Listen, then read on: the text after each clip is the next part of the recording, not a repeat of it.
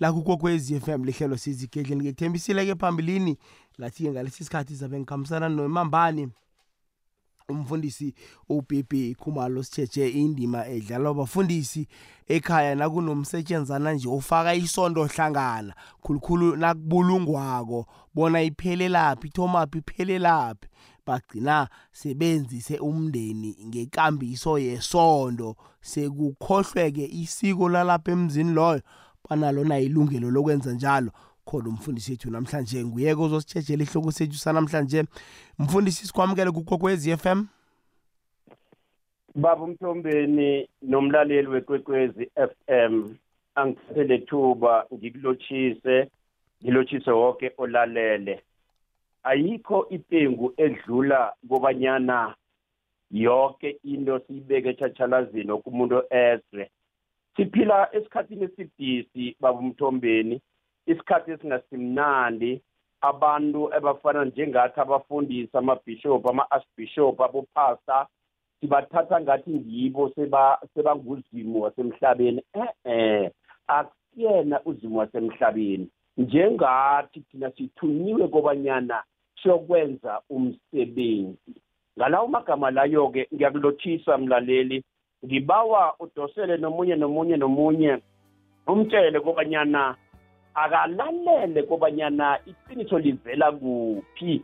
Siphila kabuhlungu baba umthombeni ngendlela ekwenzeka ngayo uma emndenini ukhona uye wabhujelwa kodwana umfundisi alethi indaba yokobanyana kwelami isondo asenzi njenganje?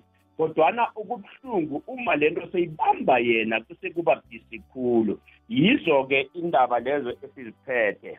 And then bamthobeni ngaphambi kobanyana ngingene endabeni le ngemvumo yakho ngomhla ka-28 baba umthombeni zika-oktoba nakanjani ngiyazi wena noma mthombeni nizabe nikhona eh kunenkonzo enkulu yama-couples. Esimeling mini park ikosini nakanjani? Ngifuna nawe ube khona baba umthombeni. Iyokuthoma ngo-two o'clock. Inkonzo yabashadikazi lapha bengikhuluma khona indaba eziyimfihlo. Angifuni kube nomntwana eduze ngoba lapho sizabe si-free sikhulume sakhe le mtshato ukuthi kuhamba njani. Right umfundisi wami indawo kukuphi? Kuthiwa yisimeli mini park ekosini. Bayayazi khona ngekosini evete frere emthambothini emthambothini. Idate uthe kungengakhi? Ngomhla ka-28 ngo-oktoba kuzabe kungomgcibelo hloko entambama. Ngo-2 entambama ezi-28 ngikosini eveterfere kunekonzo yabachadikazi nakanjani nakanjani nakanjani? Ke bayokuzwa ukuthi imshado ezilimale kangaka ilinyazwa yini? Njengoba uyazi mambani ayibethi ihlangothi linye ibetha ngapha nangapha. Sabe sikhuluma indaba ezifana nalezo. Iyazwakala mfundisi wami. Hayi-ke mfundisi wami-ke akhe singene esihlokweni sethu sanamhlanje la eh nasi indaba yabafundisi. Umfundisi eze nendaba ukuthi hayi-ke ihlabathi ngokwesondo lethu ayithelwa emazindleni ekhaya asizili imfundisi ngokwesondo asizili. Uthole isondo seliphambana nekambiso yomndeni. Ungathini mfundisi sifake esihlokweni sethu sanamhlanje? Baba untombeni into engifuna ukuyiletha nginasi incwadi kajohanisi indima ngizimnandi funde ngamabomu indinyana ka-32 johannes chapter 8 verse 32 kunomntana othi iqiniso ngilo eliyakusichaphulula baba umthombeni ngifuna ukuthi indaba le ngiyidlale kuhle wonke olalele njenganje ayizwe. Ngonobangela okobanyana ngombana thuthuma usonda le ubaba usonda le noma ubaba abanye abasoni kodwana siyazi kobanyana ekhaya ihloko ngubani. Bese-ke kufika inkonzo eziningi leya nkonzo kamaliya ngaphambi kobanyana ngabe ihlonipha le nkonzo le yasekhaya eh-eh lapha bathole imvumo kobanyana enze ngendlela enza ngayo. And then laba ekhaya sikhambe abaningi baliflathela iphasi langanene bayamela ngaphetsheya bekuthi nokuhlongakele umuntu anyana noma abhubhile noma kuphuma isidumbu siyabekwa egeyidini siyakhulunyiswa kwenziwe yokinto kodwana bese-ke umfundisi athi ke lami isondo angikwenzi lokho. Bafundisi ngifuna sihloniphe sazi indima yethu thina esiyenzayo singabafundisi. Okokuthoma thina senesifika ekhaya siyachumayela nekumele kuphume isidumbu sibuyela emuva benze ngendlela ebenza ngayo ngale ndlela kade benza ngayo. Nesifika emathuneni mfundisi mina ngiyathandaza.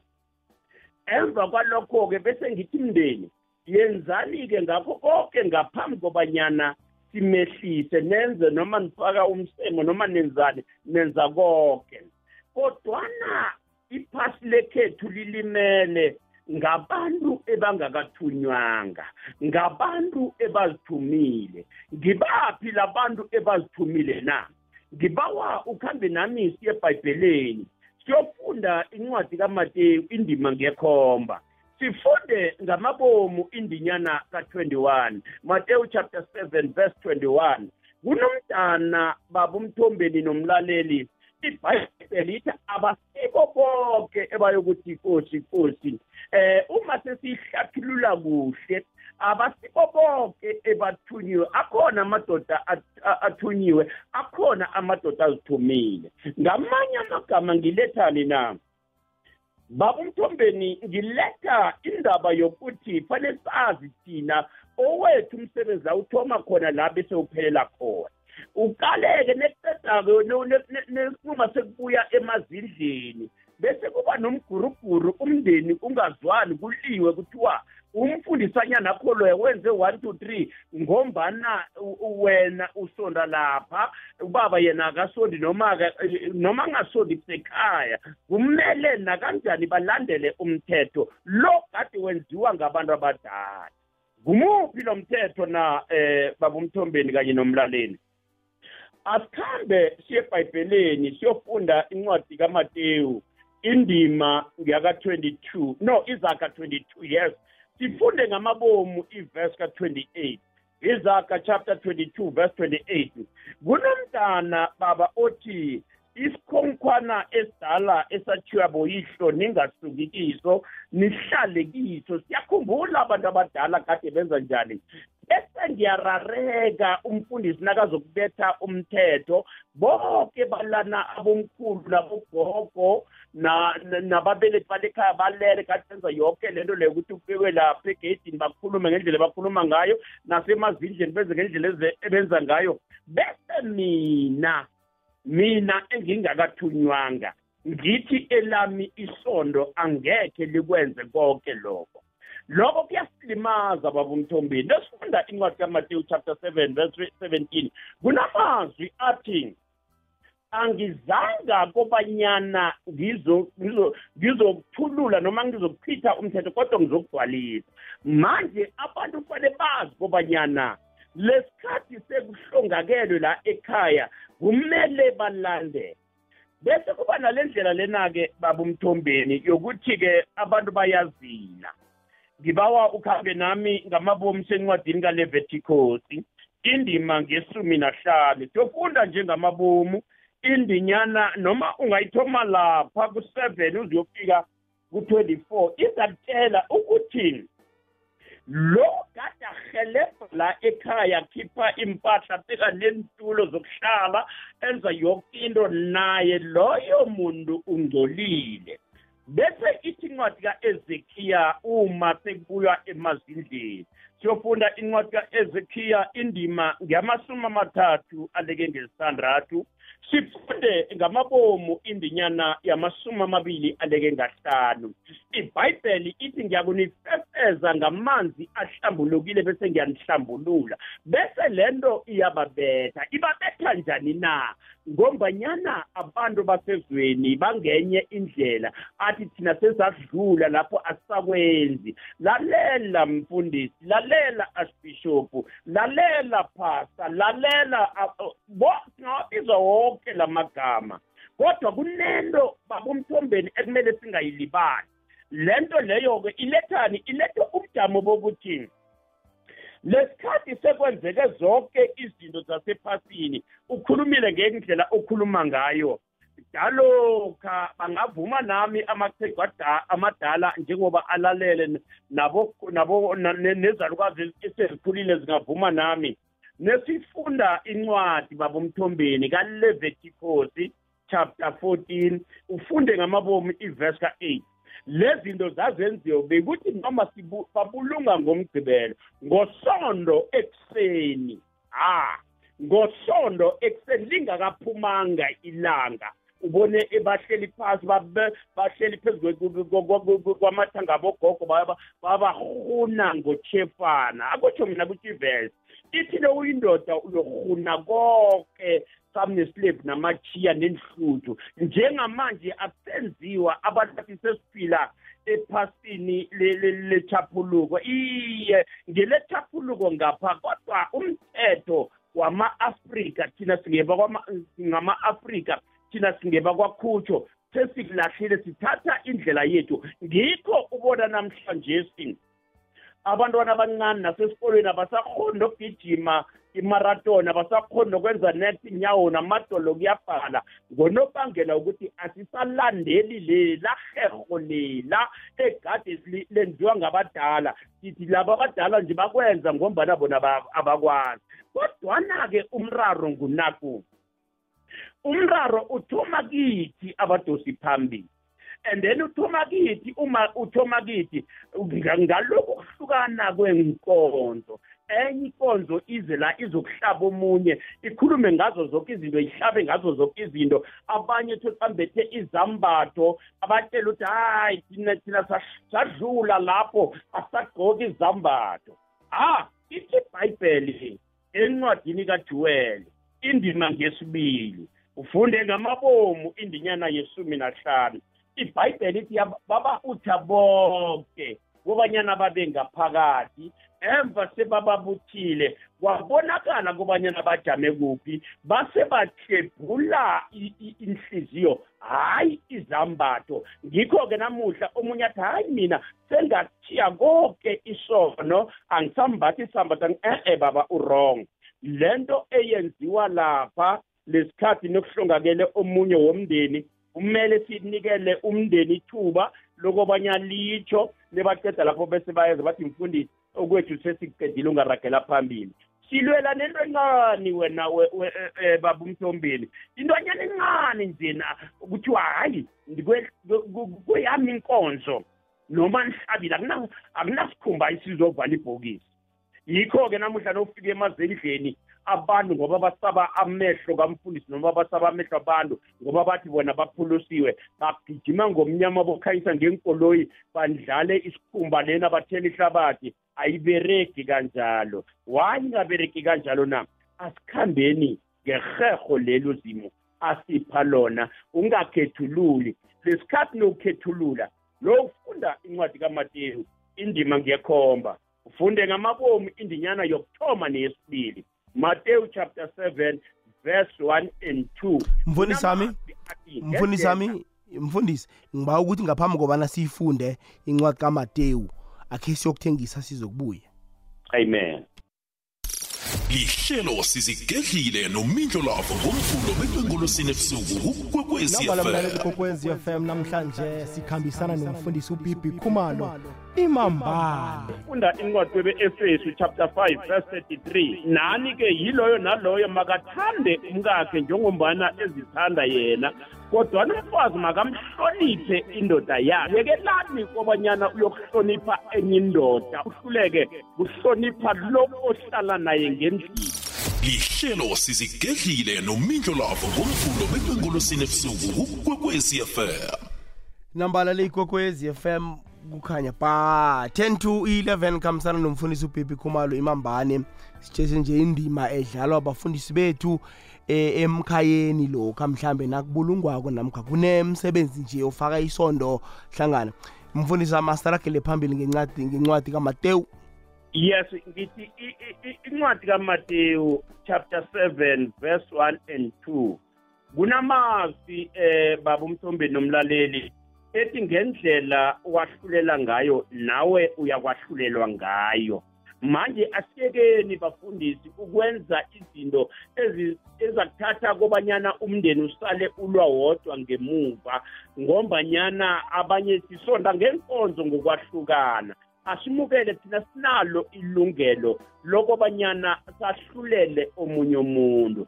Uthi noqeda ukwenza zonke izinto ezo ngombana ulalele le mambani lena yakuphela ukuthi no ayisenzi next ubona umuntu kusasa sowureyisa inyawo ziba ngaka ubona umuntu akasakhoni nokwenza next ayemva kwalokho naye bese uyaligadunga iphasi langaneno bese siyoleya amanga uma sibuya. Sithi hhayi umkakhe umkhumbule masinyana. Hhayi indoda yakhe imkhumbule masinyana. Kanti izinto zenziwa yithi ngithi esimotshayo ngencwadi kaHosiya chapter 4 verse 6 kunamazwi athi abantu bami bayabhubha ngokuhlayela ulwazi. Baba umthombeni iya uyayibeka mfundisi wami uyayibeka. Iyazwakala ukuthi ke eh abafundisi bangazitholi sebafuna ukuba zinhloko emzini abantu qakathekile bona balalele ikambiso yaloyo muzi eh kunikelane phela ku kugido kude kuchidelwane nayenze yakhe irole indima ayidlali anikele nebomndeni naye ngizwe kaningi abafundisi bakutsho vele eh enze enze kwakhe nasuka la athi ke nje sesokunikela umndeni. Umndeni wenze konke wenze konke kufanele kwenzele ufake nemfanelo zakhona.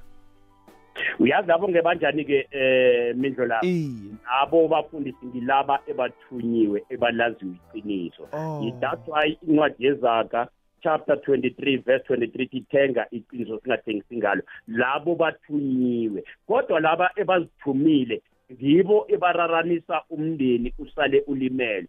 Kufana nani eh mindlo lapho noyofunda incwadi yokuthoma incwadi yamakhosi indima ngiyesumi nantathu ufunde ngamabomu indinyana yamasumi amabili nobunane uyofika ku-thirty-two. Ithi lesikhathi sekuhamba isidumbu isidumbu esi senziwa ngendlela la ekhaya kade basenza ngayo. Awumane uzenzele wena. Ngikho namuhla ubona abantu nekuceda lapho nebaceda ukubulunga nekubuya emathuneni kube nomguruguru sekuyathukwana kwenziwa yoke into. Abantu ebararanisayo ngithi ngithi ekumele sibakhombe indlela ngithi ekumele silalele. Njengombana nesidumbu siphuma ngendlini okokuthoma wena uyathandaza ngale sidumbini from there uthi umndeni nizamkhipha ngendlela enimkhipha ngayo nisetendeni. Nokufika etendeni wena uyathandaza wenza yonke into unikela umdosi phambili lona ophethe iprogram bese uyasho ukuthi-ke kuyokulandelana lona nalona nalona nalona. Hhayi ngale ndlela esenza ngayo. Lokho kumele sikwazi bafundisi. Namuhla kunje ephasini lekhethu izinto zilahleka kangaka ngombanyana sithanda imali. I- indaba enkulu umfundisi uthole nesondo selithi-ke ayike kuleli lethi kisondo umnakazili umnakazili umuntu uzila ngehliziyo kuphela kujugululwe nekambiso yekhaya la kuzilwa khona ngesambatho esithize. Ya imindlela yakulalela eh, ngifuna ukuthi abafundisi bezwe lokuthunyiwe angekho wahlulela umuntu. Lokho fanele ngikubeke kugcwala umlomo. Sinobudisi bokuthi abantu siyabahlulela sibatshele abantu ukuthi wena lokhu nalokhu nalokhu ungasakwenza eh mindlo lapho asikwazi ukwenza lokho wathola leya mndeni leya yenza zonke lezi zinto lezo. Ngena nawe uyazi. Lalela-ke lithile ibhayibheli? Ibhayibheli ithi nowufunda incwadi kagenesis chapter 38 ufunde iverse ka-14 u-13 no-14 kunamazwi athi wangena wazila wambatha ingubo yokuzila kwafika isikhathi sokubanyana leyo leyo ngubo bese uyayihlubula. Sib- sibobani thina sizophikisana nebhayibheli sibobani thina sizofuna ukwenza zonke izinto? And then okubuhlungu abanye abadosi phambili abafundisi ezinye iincwadi abazifundi bafunda lezi ezilimaza abantu. Ngikho-ke ngisho-ke ukuthi-ke akhe kuhlukaniswe kobanyana lesikhathi nokuthiwa ungumdosi phambili udosa abantu khamba ngale herho leli ekumele ukhambe ngalo khamba ngebhayibheli. Ngiye ngibatshele ukuthi mina yonke into engiyenzayo uma inganawo umhlolo we- wezwi likazimu bangayithathi. Angikhumbuli ngenza umsebenzi ngaphandle kokubanyana ngijubhule ngombana lento ingenza kobanyana ngiragele phambili. Umoya kasomnini umoya ocongekile uyangivulela woke amavesi ukuthi kumele sazi singabantu ukuthi siphila esikhathini esigidi sifuna ukobanyana silingise amakhuwa. Angekhe wezwa ikhuwa likhuluma ngokuthi lizama ukukhuluma isindebele. Nebakhuluma isikhuwa sekhabo bakhuluma isikhuwa sekhabo. Manje thina silahlekile ngikho nasebasondweni wethu kunabantu ebafakazayo mina ngithumela ngesikhuwa yena atolike ngesindo eh-eh sima-afrika bakwethu. Ya uyayibeka kamnandi umfundisi uh, 5 to 11 ayike mlaleli kokwezi FM ngicabanga bona ngisoke isikhathi bona nawe ke sikunikele ubeke la ufuna ubeka khona ubeke nje nangelemuko lakho wakhe wahlangabezana nalo. Nawe ekukhambeni wabona kwenziwa ngakho izinto. Ungabuza nje nanyana kuyini ofuna ukukubuza kumfundisi mayelana nesoko sethu sanamhlanje? Ngiyakuthembisa bona uzokuphendula ku-086 003 086 0003278 namkha inomboro ze-whatsapp line 079 4132172 079 4132172 nawenze bunjalo-ke i-whatsapp ngizoyithatha ngibethanise nomoya khone ukuzwakala kamnandi khuluhle akhe sithome ngalo? Akwande akwande baba mindlo love noba mfundisi bibikho lokhu wez f m. nami ngithanda uphawula ngendaba leya namhlanje ya ukuthi abafundisi bayawubeka na umthetho eh mayilunga lemundeni hlongakala. Into ngathanda kuyikhuluma nokuyiphawula ile sazi ukuthi kaliningi ma ilunga lemundeni malisonda kwisondo ithize or lisonda kumabandla esonto amabandla afani angifanise nalapha kwethu ezimbabwe. Kaningi masonda nomuntu mahlongakala. Sizokuyenza ngendlela yesondo eh yonke wonke umsebenzi uzokuyenza ngendlela yesondo. Ngenxa yokuthi ilunga lela lizokuba ilunga lesondo even umndeni ukhona uzokhona uyaziwa lokho ukuthi umndeni uzoshiyela eh abafundisi. Bayenza wonke umsebenzi akuna omunye umuntu uzokuphikisa lapho zonke izinto zenza. Mara mangaso qondi lo muntu lo. Abafundisi vele bazobakhona ukuyoshumayela nokufaka umthandazo mara okuningi lokhu bazokuyenza um ngendlela yabo yesintu mara nathi angeke sikungene lokho bayenza nezinye izinto bazoziyenzayo mara nethi ukuthi ma umuntu lo asonda um siyayenza ngendlela yesonto isondo lifuna ngakhona umthetho yesonto ukuthi ilunga lethu selinqwaba njani into yini izokuyenzeka kuyenzekana amavesi aphi kuyenziwa njani kanjani and akunomuntu uzokuphikisa so yiyo into siyenzayo khulukhulu ezimbabwe um kumabandla amaningi hlala sikuyenza lokho sikubona eh soloko sizalwa sifunda into fana lezo. So kaningi ma ilunga le libe lilunga lesonto umndeni uzonikela kusonto ngiyathola kakhulu ngoba bamoyo wasezimbabwe.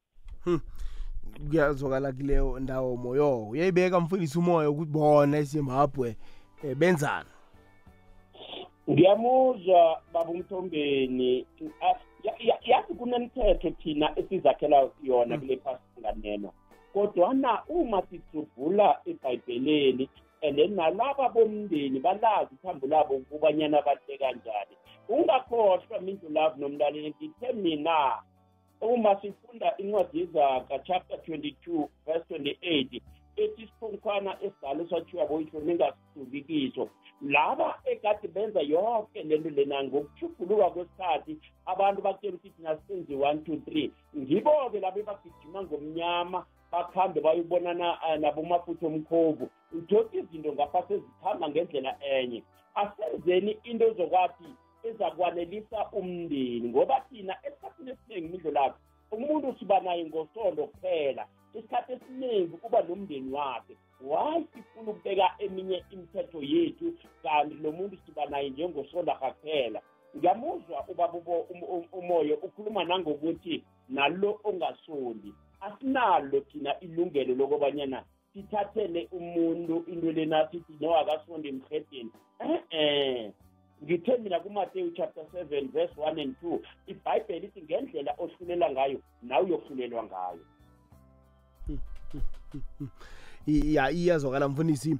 Njenganjena-ke iba maporo isimbi yechumi nanye 11 o'clock 079 413 2172 079 413 2172 naku-086 3278 086 3278 ngikhambisana nomfundisi upipi khumalo imambane sithethe nje indima edlalwa abafundisi bethu. Eh nakunomsebenzi emakhaya bona ke bayidlala bebaphelele kuphi izinto ezifana nalezo. Uyihlathululile kumfundisi weza nayo weza nayo mhlambe kunokhunye esikuvalele ngemva ungasabe ungena nawe uphakamise nje eh umbono wakho ngendlela yakhona. Umfundisi akhone ukuphendula umbuzo wakho namkha umbono wakho kube mnandi kube enjaya. Ya ziyenzeka mfundisi eh kaningi uthola eh kuno eh kuno isondo eh nomthetho wekhaya isondo nesiko. Uthole abasakhoni ukuthi izinto zikhambe kuhle zilumathane kuhle. Eh isondo lifuna ukujama ngqonywana lithi ngithi ngithi la. Awa mindlulavu ngalendlela leyo angifuni ukutsho um mtosiphambili olalele njenganje asingiyo leyo ni. Okokuthoma angithi fanele silalele imindeni ukuthi yenza njani. Owethu umsebenzi kuchumayela ivangeli ngaphakathi etendreni nekufika-ke lezokuthwala umufi bese kuyasho ukuthi man sengizothandaza ngibawa nina. Nizakwenza ngendlela enenza ngayo. Angingeneleli mina lapho. Benze ngendlela ebenza ngayo nokusuka lapho bese iyatropa ichinga emazindleni. Nebafika emazindleni umfundisi uthoma uyathandaza asuke lapho athi lalelani mndeni-ke yenzani ngendlela enenza ngayo nenicedile bese ngenza umsebenzi kuyamehlisa naso into ecakathekile hhayi ukuthi kwelami isondo akunalo isondo bakwethu. Nathi sizisebenzi athi kwelami isondo akusunguzimi wena.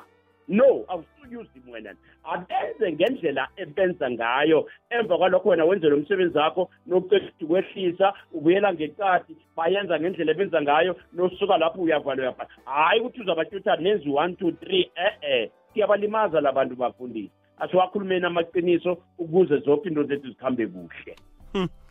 Ya wayibeka umfundisi yazwakala 086 003278 naku-079 siphethe indaba ekulukazi la indaba yamasondo nomndeni. Bona-ke eh ukuzwisisana hlangana eh nalabo abantu bobabili sikwenza njani khona? Kungagcini kusasa kukhonjwane ngomuntu hm? Yenza njalo-ke mlaleli kokwez f m. Ngifuna mfundisi wami khe sokuhlola naku Facebook page elithi ikwekwezi FM nakhona umlaleli ubekile umbono. Ikwekwezi lochani ikwekwezi? Lochani ikwekwezi locha alright uzokubuya. Akhona mfundisi nama WhatsApp naku Facebook page elithi ikwekwezi FM ke sokuhlola nje umbono womlaleli kokwezi FM bona yena lindaba esiyiphetheko nje uyibona njani ke sibone la umlaleli bona uthini mindlolavu uh uthulano akakhumalo la awayibeka ubhibhi injalo. Injalo mntakababa injalo injalo injalo.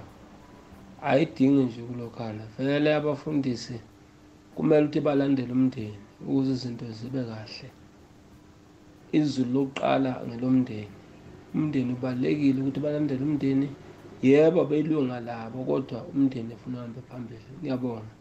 Uthulano kakhumalo lona epitritif ngiyabonga. Siyathokoza khumala ukileyo ndawo. Ngibona la uvele imsiza uthi mindlelafu angivumi ni umfundisi eh ukhambisa ibandla kwaphela zekhaya azimfuni nakancane. Ukasi general uthi mindlelafu umfundisi ukhambisa ihlelo lakhe ngokwebhayibheli ingasingekambiso yakhe.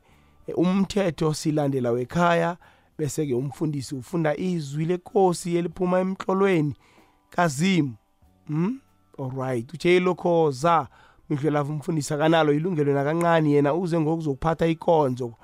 Kwaphela nje ingasi nomthetho wekhaya. Ulitiro siphiwe uthi mindlelafu umfundisi unalo ilungelo lokha eh kulele ekhaya nilandela umthetho waleyo konzo enisuke nisonda kiyo namkha nikholelwa kiyo. Alright. Khe ngibonela uh, okay uzen rose uthi mindlo love hour uh, akabambisane eh, nathi eh simalunga womndeni umkhulu umsizi uthi kweminye imizi uba nalo ilungelo lokubetha umthetho kuya ngokuthi nivumelene njani nemfiso zikamuvi ziyaqalwa na? Ya umkhulu umsizi uveze mfundisi uveza iphuzu eliqakathekileko. Kube njani mhlawumbe umufi watsho wathi nangilala la mina ngifuna ukubekwa libandla elinje bekodwa ngifuna bangikhambisele konke benze nje nje nje. Sizokuthini thina simndeni mfundisi?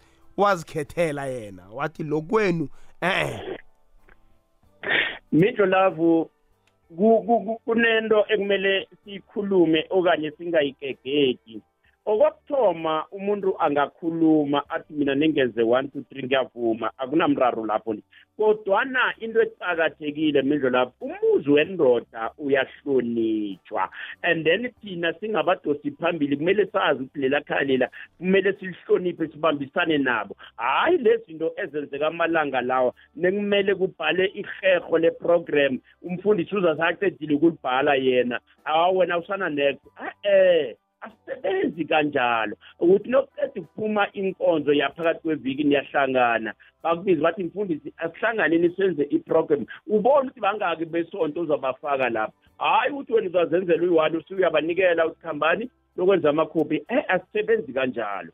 Yinto ekumele siyazi mindlo lapho lesikhathi nekuthiwa uthunyiwe uba ngumdosi phambili. Yenza indlela le umoya kasomnini okunikela ngayo i-direction. Namhlanje sakusenzeki mindlo lapho into esilimazile iyodwa. Incwadi yokuthoma katimotheyu chapter 6 verse 10 ukuthanda imali. Ngikho kusenze namuhla saba nje. Ngikho kusenze namuhla saphila impilo nje. Ngikho kusenze namuhla sakhambe sivula amasondo sithi sifuna ukudla imali. Sokudla iphi imali? Into lena imisebenzi iphela kangaka? Siyodla yiphi imali abantu bangasebenzi na? Yiyo-ke into leyo. That's why bona amadoda ayama ayama umlamba ayangaphetsheya ayokufuna ukuthwala nethi ukuthi bakhona ukuthi nakakhulumayo labantu labacede ngabo balalele yena. E-e sebenzi njalo bakwethu. Into ecakathekile kulandela kobanyana wena uthunyiwe noma uzithumile na. Wayibeka mfundisi khe sizwe la. Ngithokoze imindlo lavo sithokoze. Ngu-abraham mahlangu endaweni yaseheidelberg. Kulesikhathi esisiphila kusona kuxhomeke ekuthenini ukholelwa kuphi ngoba manje wonke umuntu manje unamalungelo. Hhayi ukuthi ngoba kuyinkonzo kepha kuya ngokuthi ibhayibheli ulifunda ngayiphi indlela uli-understanda kanjani. Umbono kajesu wawuchaza ukuthini ukuthi yena uma esekakhona emandleni okubusa kuzokwenzeka kanjani. Ngiyathokoza. Iyazwakala msokhethu ngifuna ke sokuqala kodwa omunye umlaleli.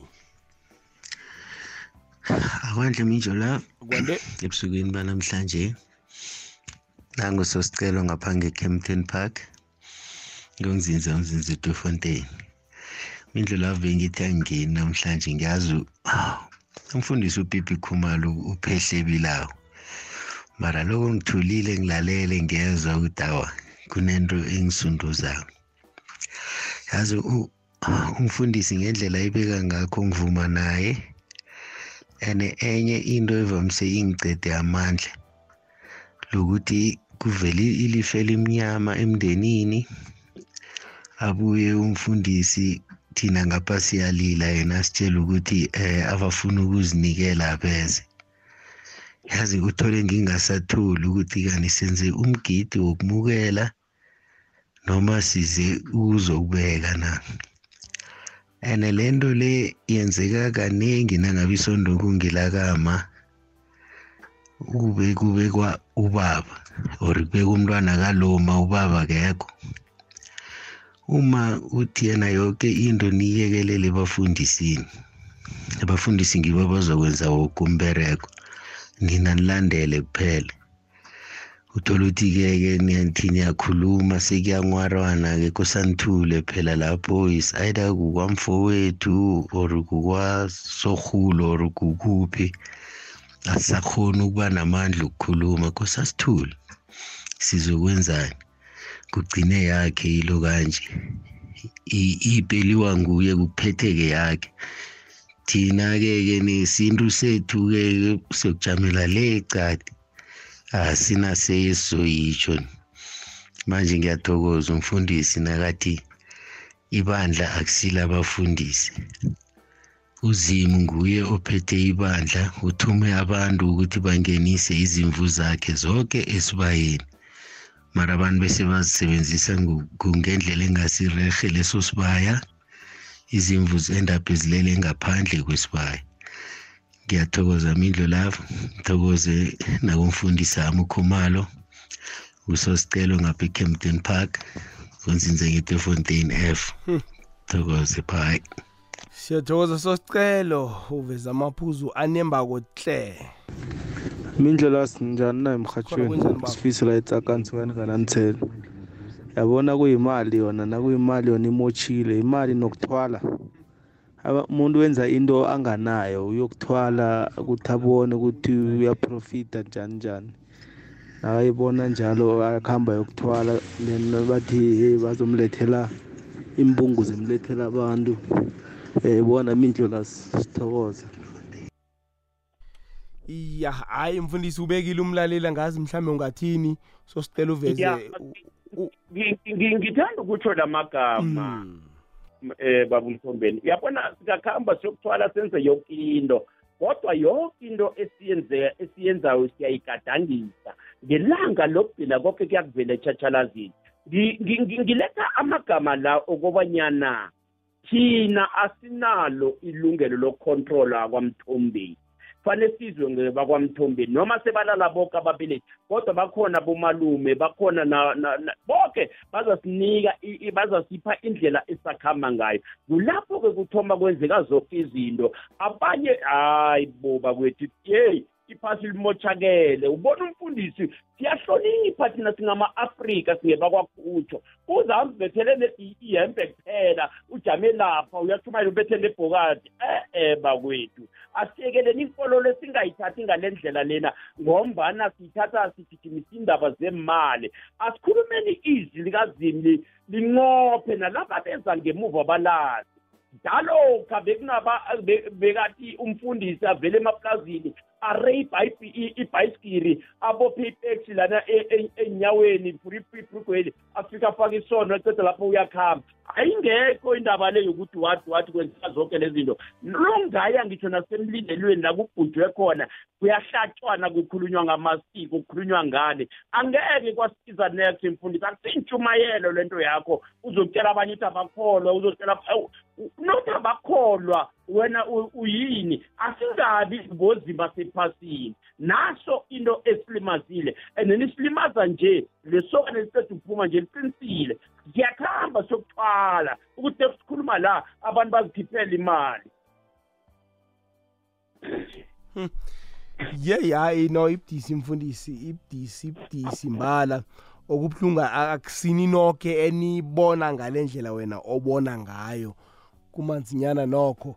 Imali seyingenelele yamotsha into eziningi ya mindlolavu imali imoshile uyabona nofunda incwadi kajeremiya 49 ufunde ivesi ka-11 kunamazwi athi sukela indandani zakho mina ngiyakuzitsheda nezikakarele kimi sifune thina kuyokunwatha kuleya mali yenrandani leya ngombanyana senza umsebenzi. Ah! Ngithanda nanakamazwi amanye futhi avela kiyo incwadi yezaka 23 ivesi kuba ngu-10 ithi mawungangeni esimini yomuntu ohluphekile. Mm, mm, mm. 086 000 3278 086 000 3278 079 2172 funa khe sizwe umlaleli la ikokwezi lotshani ikokwezi ikokwezi lotsha? Kunjani baba? Khona njani siyathokoza. Ya ngeke ngaziphi igama. Mm. kunokuhlaba. Eh akhe sithandazise umfundisi akasithandazise mani? Singenelwe. Mm. singenelwe lapha nasemakliniki singenelwe. Nasile nasokuthatha imithongo e-, emakliniki apha ya kunabantu abezako lapha bazokuleka imali bathi bayasithandazela. Mina madoda angazi ukuthi kwenze njani imali le sizoyisaphi. And then la emasondweni apha kunjalo njengoba mfundisi akhuluma la mina ngazi ukuthi umuntu nazokubekwa lalela mina ngazi ukuthi umuntu nazokubekwa abafundisi akhe basinikele thina bomndeni sibeke umndwethu. Sikhulume ngendlela umndwethu esifuna ukuthi simbeke ngayo.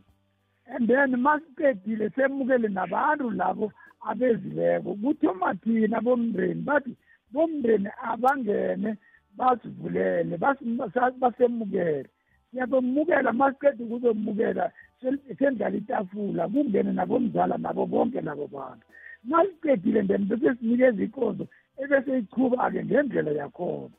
Abafundisi nasifika le mathuneni le bayasinikela bathi bathandaze njengoba mfundisi akhulumile. Iqiniso elipheleleko lelo umfundisi atsho athi yes manje-ke mina bomndeni yenzani ngendlela yenu enenza ngayo. Masiqedile-ke masesiqedile bese sithatha indawo sidlulisele kumfundisi.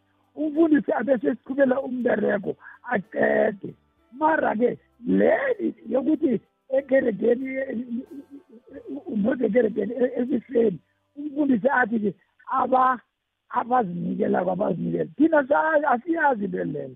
Umndeni wekhethu mina ngikhuluma nje umoshakele ngendaba yona le yokuthi abantu bathi asisenze amasiko. And bona labo abakade baphumileko ngaphakathi komndeni bathi eh asisenze amasiko. Bakhambile bonke bakhambile bonke kusela abantwana. Abantwana babuyelekini mina njengoba mina ngithandaza. Babuyelekini bathi babomncane akhe usenzele ngendlela wena wazi ngayo ekheni wapha iyazwakala baba. Alo nani emtholapilo niyokuthatha imchoga lo mfundisi onikhiphisa imali hayi athini hayi athi ninikele namkha? Iye iye uthi nikelani. Ngenxa yomthandazo. mina ngifuna ukukhuluma iqiniso ngifuna ukukhuluma iqiniso yezo Mm. anginikeli. Mm. Mm. awa mina nginikele esondeni lapha ngikereka khona anginikeli. Angikhambe ngithi uzimu angiphi imali bese ngiyifandisa konke le ndawo le. Nginikela ngesizathu. Ngikerekeni lapha mina ngikereka khona. Ngiyathokoza. Siyathokoza baba. Mfundisi wami nandidimoni. Nandidimoni abafundisi bathi baye emtholapilo athola bogogo bazokuthatha imitshoga abo bachumayeze bachumayeze besathi uba okuncane mindo lavi ngizakhuluma futhi ngesibindi ngingasabi. Kunamazwi nofunda ebhayibheleni nofunda incwadi yesibili kasamuel chapter 24 verse 21 kwibhayibheli ithi uyonikela ngalokhu okuphuma kuwe ehliziyweni unqamule lesifo. Nongakhona ukunikela ukukhona unikela asiyekeleni bafundisi sogalada abantu sebakhulile bayozithathela izinto lena. Uletha siphi isithombe na? Ngombana kuthiwa nokuhamba mawungakhambi nesikhaftini baza kubonelela phambili. Aphume emntwini ungamenzisi lo muntu lona. Ibhayibheli ithi encwadini ka-exodus chapter 25 verse 1 and 2 wathuma u-aroni ebandleni wathi ngibawa lingithathele umnikelo. Yilaba inhliziyo zabo ezivumayo.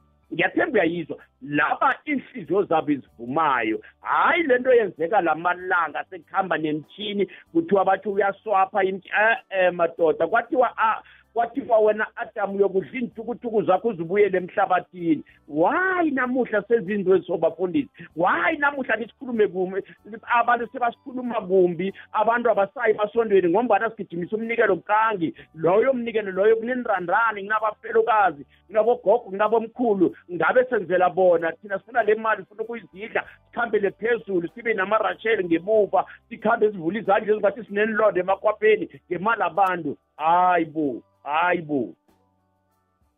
Yawe ikhalima umfundisi. Eh sizoyivala ngasikinini mlaleli kokwez FM gaba nawo usidosele namkho usithumelele i-whatsapp voice note. Mfundisi akhe silalele nasi i-whatsapp voice note. Lotsha mindlolava akwande. Nomfundisi wami engimthanda kakhulu ubb khumalo. Eh angilotshise ngapho ngemhathweni.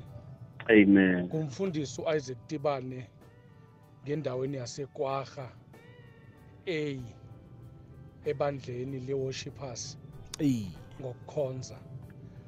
Hayi ke Mindlolavu ngifuna ukuyitsho na into? Ya ayikho inkonzo engihlonipha njengenkonzo yokubeka umufi. Angithomi ngikhambele umndeni ngaphambili. Yes. Nanyana umzalwane loyo noma umuntu esimbekako lo kade alilunga ebandleni. Angithomi ngithathe umthetho wami noma webandla ngiwubeke phezu komndeni.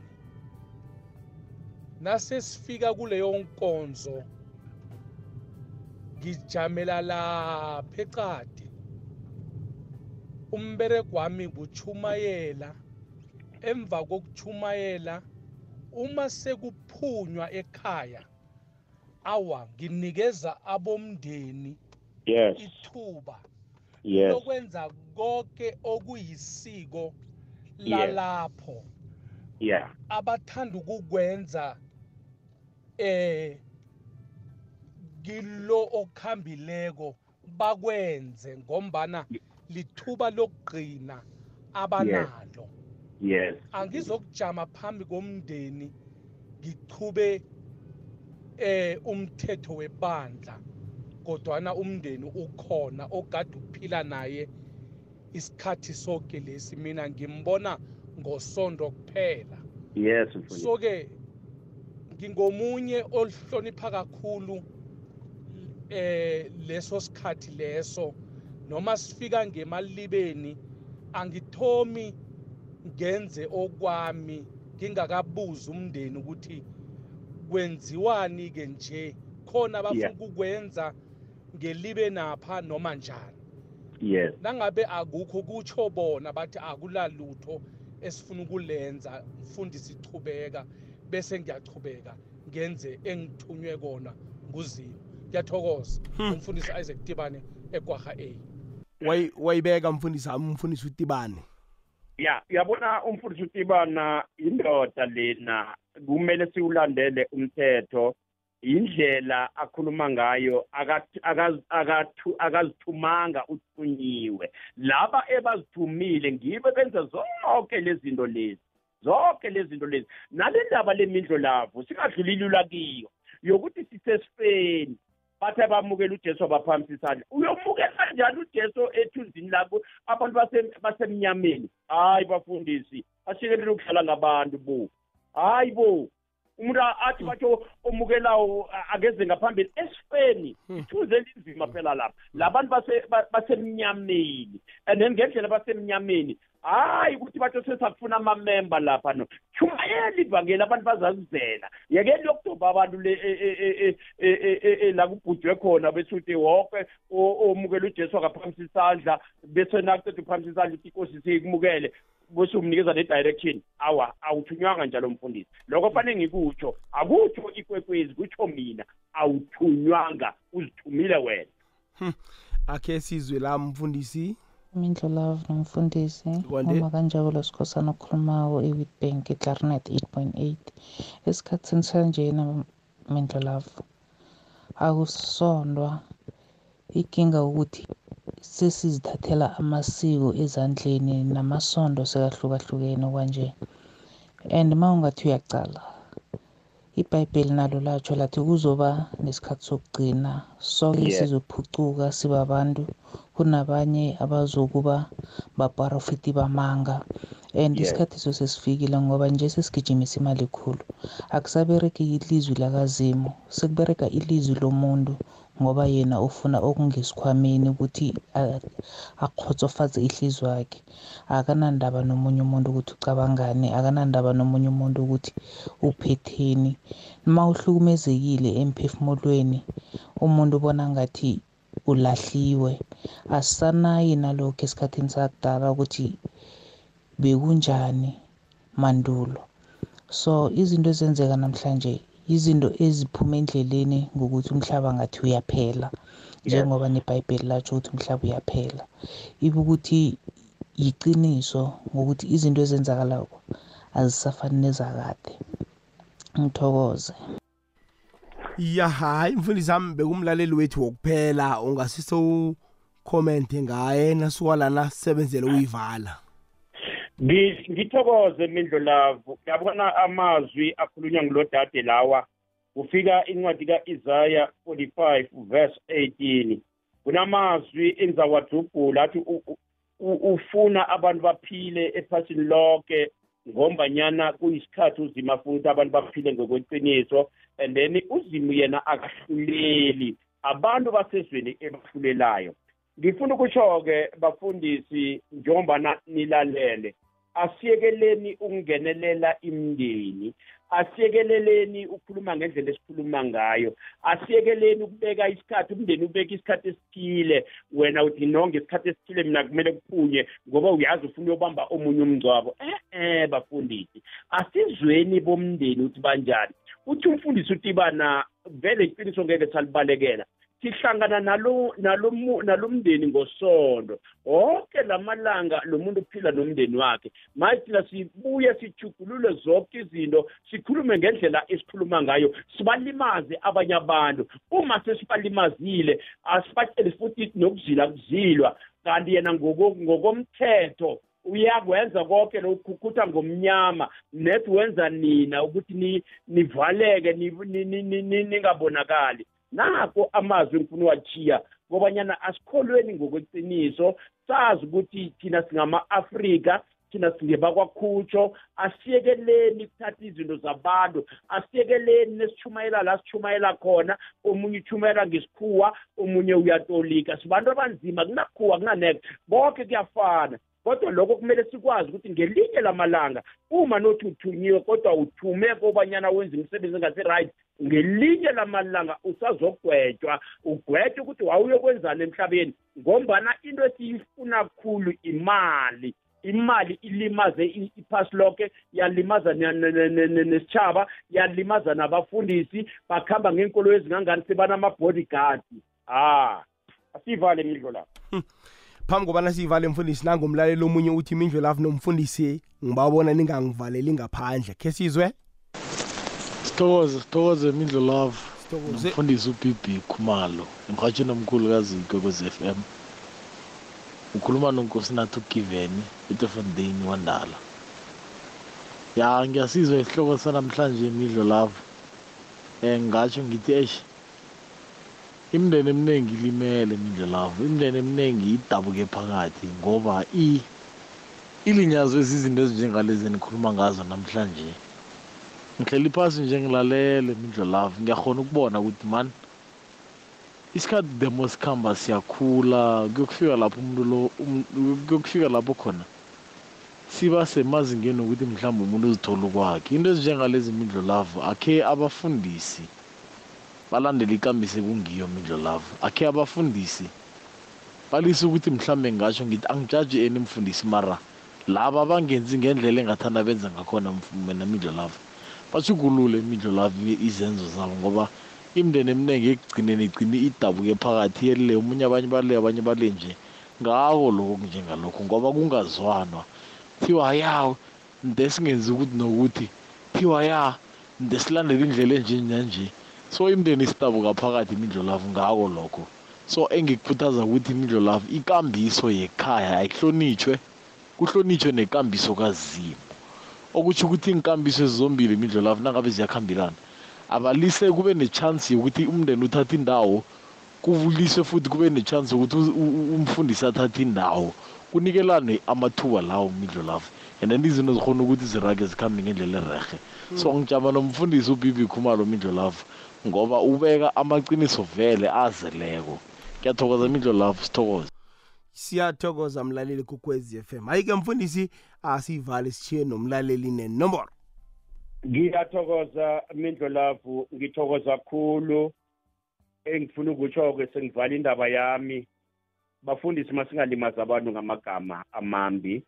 Singabizi abantu ngendakwa singabizi abantu ukuthi banje. Abanye baphuma nje emasondweni balinyazwa zinkulumo zethu. Abanye baphuma nje emasondweni balinyazwa ngendlela esibaqalela ngayo phasi. Uthothi umuntu akanamali kodwa sifuna umnikelo ophezulu. Le nto leyo ngekhe isise ndawo. Engifuna ukutsho umfundisi umnikelo lo esiwukhipha esondweni. Ngokuqale umakhiwo wesondo waqala nezinto eziphukile la isondweni kuyalungisa awuyi kumfundisi. Ngikhuluma nje mina ke la, la ngisonda khona ngiyanikela nami. Angithathi ngisho nosenti yomuntu ngombanyana lokho kuyisiqalekiso. Manje-ke asiyekeleni ukugcwalisa zwethu inkhwama asiyekeleni ukuzibetha isifuba sibiza abantu lebanganikeli sibatshela ukuthi sizabacotsha esondweni. Kuyasho ukuthi lelo sondo lilakusiyisondo uyazenzela wena ngokwakho uphula nomthetho. Ngiyathokoza mindlo lavo eh mlaleli uzangithola kule nomboro ethi 072 25 90 753 asiyibuyelele ngamabomu. Naku-whatsapp uyangatholakala lapho. 072 072 25 25 okay asiyithome kuhle mfundisi wami asiyithome kuhle? 072 072 25 25 90 90 753 753 kanti bangangithola nangapha ku-email small letter ungathi pastor bb khumalo at com. Hayi mfundisi wami ngithokoze indlo love ngithokoze kukhulu ngapha ekosini smeli mini park ekosini nakanjani nge-28 inkonzo yama-couples. Lapho sabe sikhuluma izinto ezicakaumso lo imala kangaka ulinyazwa into encane. Okokuthoma ziningi izinto esakhuluma ngazo. Nalena ceda amandla nekumele ukuthi ngabe uyamamaza athi mina ngigezana ah lesikhathi nesisebhizi umsebenzi athi kanti uceda nini izinto ezilimaza abantu lezo. Ah thokoze imindlo lavo Si siyathokoza mfundisi uthe ngekosini ngomhla ka28 October ngo2 emini zabe kungumgcibelo eNellis Yes. Park konzo yabajadikazi. Yes mindlo la. Sithokozile mfundisi kuba nawe namhlanje akube ebusuku bomnandi ngithokoze mindlo lapho ngiyazehlisa awuzweke. Izwakele mlaleli gokwezi FM umfundisi uPipi Khumalo ubeke kwazwakala. La athethe khona kwande sithembe ngibona ufundileke namhlanje konke ebekwenzeka ngalesi isikhathi.